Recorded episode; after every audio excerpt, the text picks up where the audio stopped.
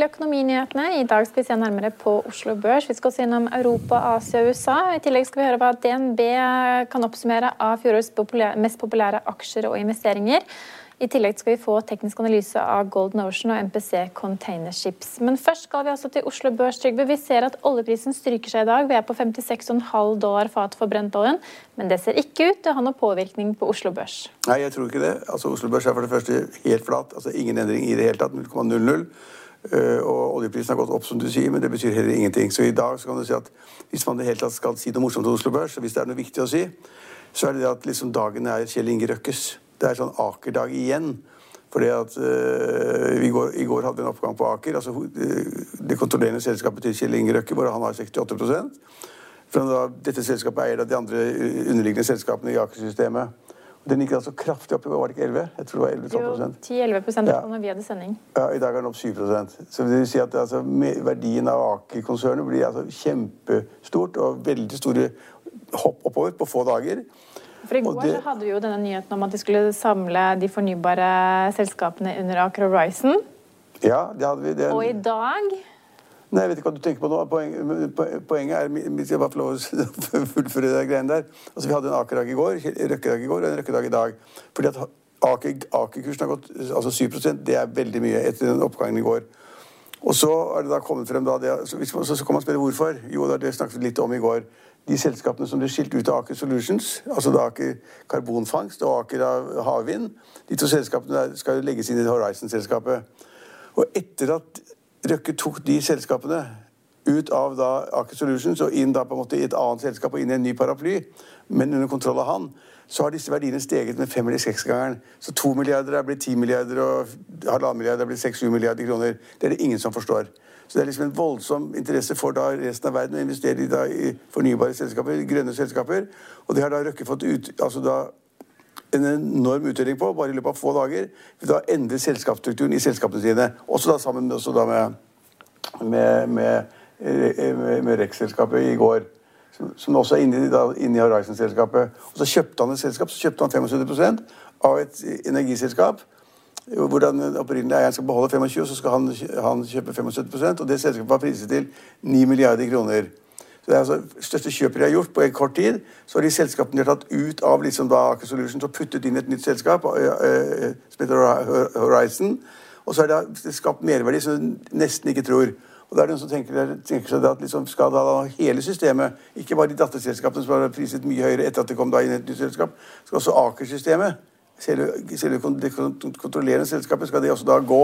Og Det har da gått kraftig i to dager, men, men kursen har vært eh, husker jeg ikke så eksakt, men rundt 700 kroner eller 750 kroner eller sånn nå. Ja, For å si det sånn, så var det jo veldig mange analytikere som før jul kunne si at Aker-aksjen ble, burde man virkelig se på eller kjøpe, for den ble solgt med eh, rimelig eller rabatt, rabatt, i forhold til de andre det, selskapene. Ja, men Hva er kursen nå? Litt over 700 kroner? Skal vi se. Aker-kursen er akkurat nå 737,5. Ja, og det er det mange nå som sier at den skal doble seg. Det må, det må man ikke høre på. Det blir bare tull. Men det er også andre, mange som sier da, at kursen skal gå fra 700 kroner til 800 eller 900 kroner. Det kan være mulig. Det er innen det realistiske, i det, det, det, man nå priser alt som har med Røkke å gjøre, veldig mye høyere på en fremtidig inntekt, fremtidig kontantstrøm. Og det er ganske fantastisk at han har fått til det. Og på toppen av det Philly Shipyard? Ja, på toppen av det så er kontrollerer han også da et amerikansk verft. Skipsverft, ja. ja og det, det selskapet har da fått, sies det, da en kontrakt på å bygge to skip til det amerikanske samferdselsdepartementet. Og det, det skipsverftet og de, bygge, skipene de bygger, kan bare brukes på kysten av Amerika. Så det er en veldig begrenset virksomhet. Og det, det er Røkke. Hans sønn Christian har da vært sjef der. Uh, men det er et bitte lite selskap. men altså, kontrakten er jo på 5,1 milliarder ja, kroner. Jeg tror Verdien av selskapet er 1 milliard, så jeg skjønner ikke helt det. Men det er et bitte lite selskap. Men det er også et røkkeselskap som nå får bli kjempepris. Og det er da vinneren på Oslo Børs med en oppgave på 40 40 Akkurat nå 34 da. Ja, da, men, ja, ja, det bør ikke gå 34 eller 40 blir samme. Det er et kjempehopp. Eh, fra et veldig lavt utgangspunkt. Uh, og så det Nummer to på, på vinnerlisten i dag er da Prosafe, som jeg har snakket om mange ganger. som er dette Borig-selskapet. Og Det bare går og går, og jeg kan, jeg kan, ikke kontrakten deres, så jeg vet ikke hva som skjer. Nei, men I dag så kommer selskapet med en nyhet om at utnyttelsesgraden i fjerde kvartal blir 25% og det er en oppgang på 2% fra 23% i samme kvartal 2019. Ja, ja, oppgang på 2 prosentpoeng. Ja. ja. I tillegg så har jo Men det er jo en lav utnyttelse, da. Veldig lav. Vi er jo da på 75% ledig kapasitet, så, ja, så men, men, men, men poenget er at det er lavt, mitt poeng er at det er lavt utgangspunkt, og kursen har gått veldig mye, og da blir prosentvis utslaget veldig stort. Ja, men i tillegg så har selskapet også inngått forlik med Nquest etter en kansellert kontrakt, og det betyr at Nquest nå skal betale en passende kompensasjon da, for denne kanselleringen som markedet mest sannsynlig tolker som good news. Det bra. Vi har jo snakket om Hydro eh, i, i, veldig, altså selvfølgelig veldig mye. Det er jo en av de største Storselskap. Ja. Men, men, det har jo vært litt sånn eh, Ikke den mest sexy aksjen, men nå er altså Arctic Securities og DNB Markets oppgradert Hydro denne uken og gjentar kjøp på aksjen. De ser oppjusterte prognoser for aluminiumsprisen, og kursmålet løftes fra 35 til 45 kroner og 45 til 50 kroner. Men det, gjør det deg mer eller mindre gira på Hydro? Nei, Jeg syns Hydra er et kjedelig selskap. og det jeg synes lenge, for det, I mange år har det vært kjedelig. Gjort, har vært, hatt utur med greier og sånn i, i, Brasil. Og så har aluminiumsprisen vært, vært synkende, slik at liksom, det har ikke vært noe spennende. De har hele tiden vært opptatt av å snakke uendelig mye, mye om kostnadsprogrammer og nye ting å gjøre ting på, at de skal bli så veldig flinke. Men veldig lite marked eller ikke priser.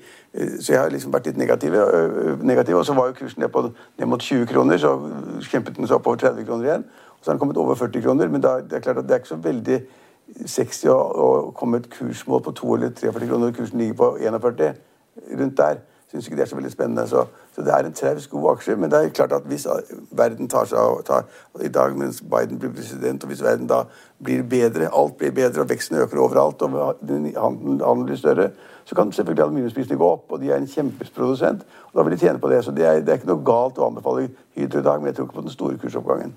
Nei, vi ser jo at en del av de, disse børsnykommerne, altså disse Euronext uh, Growth-aksjene, stiger uh, solide i dag. Vi har Huddlestock opp, vi har Hydrogen Pro, vi har Everfuel, Quantafuel ja, en rekke grønne aksjer som Hydrogenaksjer, grønne aksjer, det går for tiden. Og det er klart at. Det smitter jo det som skjer med Aker og røkkeselskapene.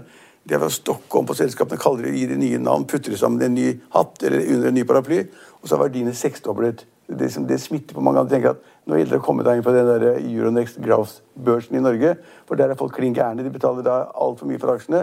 Og der, der, vil vi også inn. Så prøver de å, på en måte få og, og Også dette Røkke-selskapet skal da på Euronext Growth først, og skal på hovedbørsen etterpå. Eh, slik at mange andre blir smittet av det. At man får en prising som man ikke har sett maken i tidligere.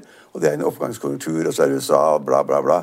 Uten, uten, at man da tenker på liksom, hva skjer egentlig med da, de, de, grønne selskapene. Når vil de tjene penger? Hvordan prises de? Hvordan prises de i forhold til andre aksjer? Og så videre, og så videre. Det er ingen som kan slå det som Røkke har gjort nå.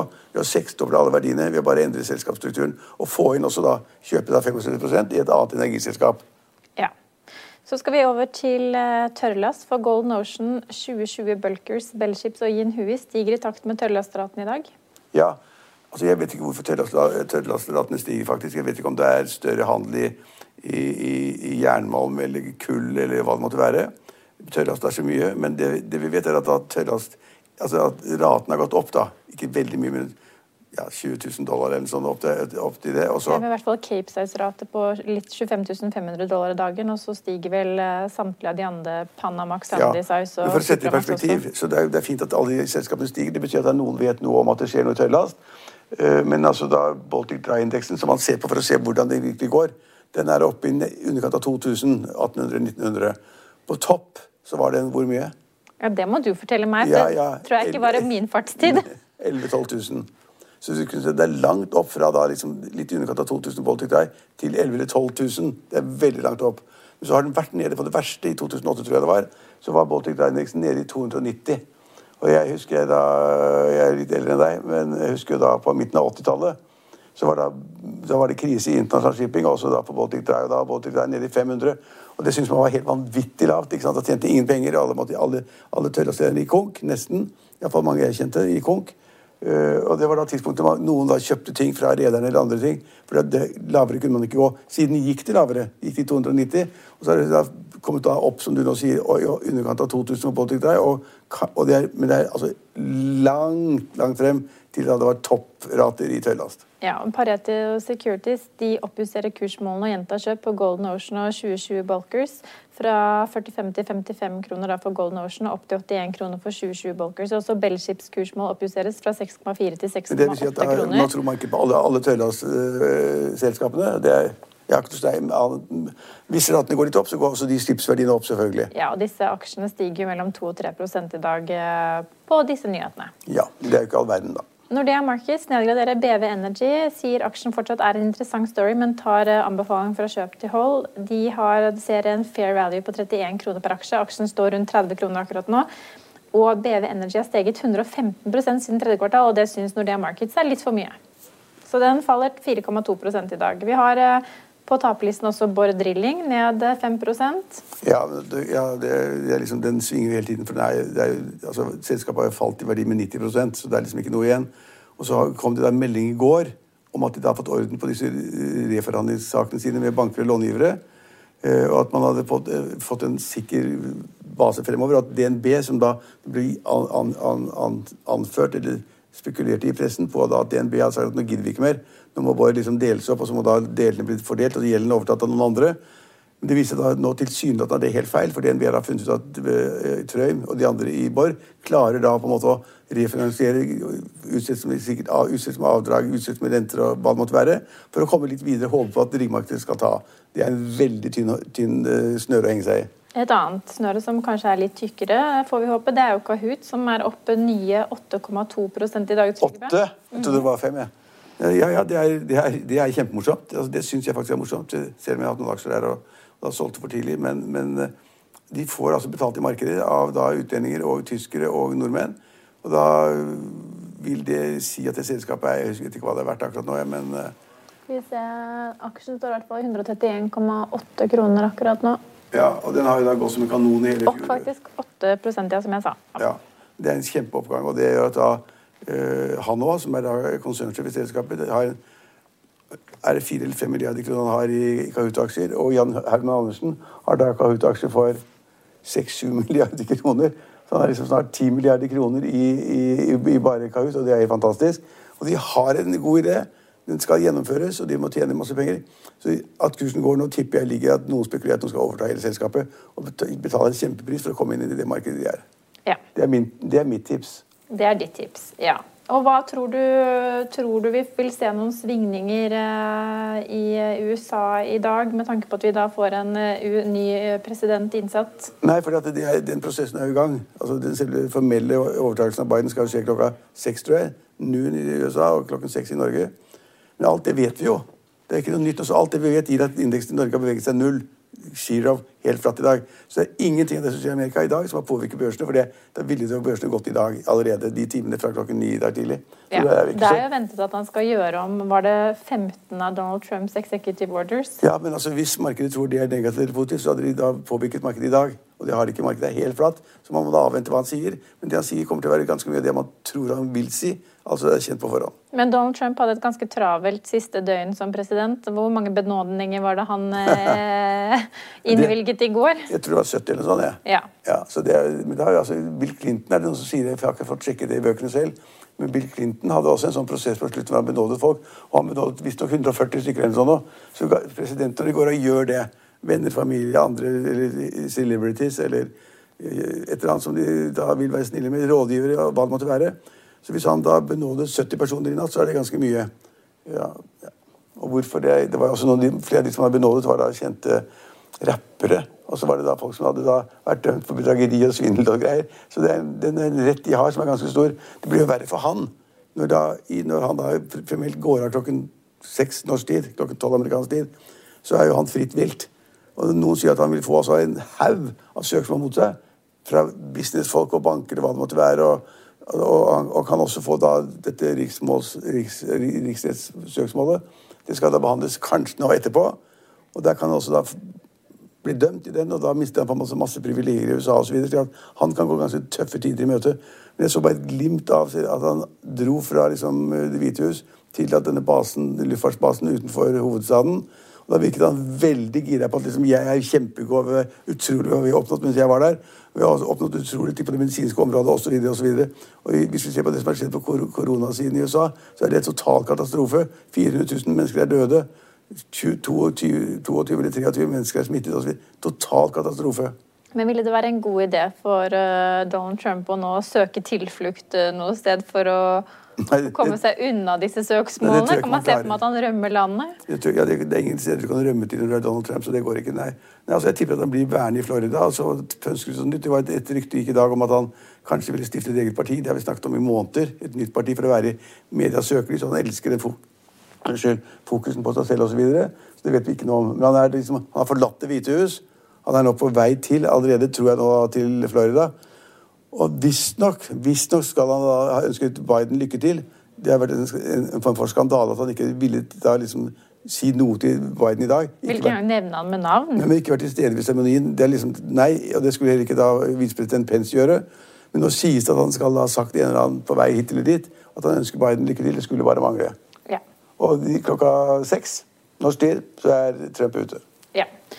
Og det blir spennende å følge med om det får noe innvirkning på markedene de kommende dagene og ukene. Fordi at, at Biden får en eh, travel første 100 dager, det er det vel eh, ventet. Det er, stort sett veldig travle dager. Men markedet, alle de som analyserer dette her, enten det er råvaremarked eller, eller klimaentusiast eller hva det måtte være, i dag, akkurat når du og jeg snakker sammen nå, så er virkning på Oslo Børs null. Ja.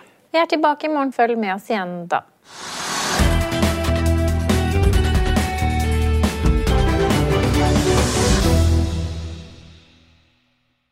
Økonominyhetene er en podkast fra Finansavisen. Programledere er Marius Lorentzen, Stein Ove Haugen og Benedikte Storm Bamvik. Produsenter er Lars Brenden Skram og Bashar Johar. Og ansvarlig redaktør er Trygve Hegnar.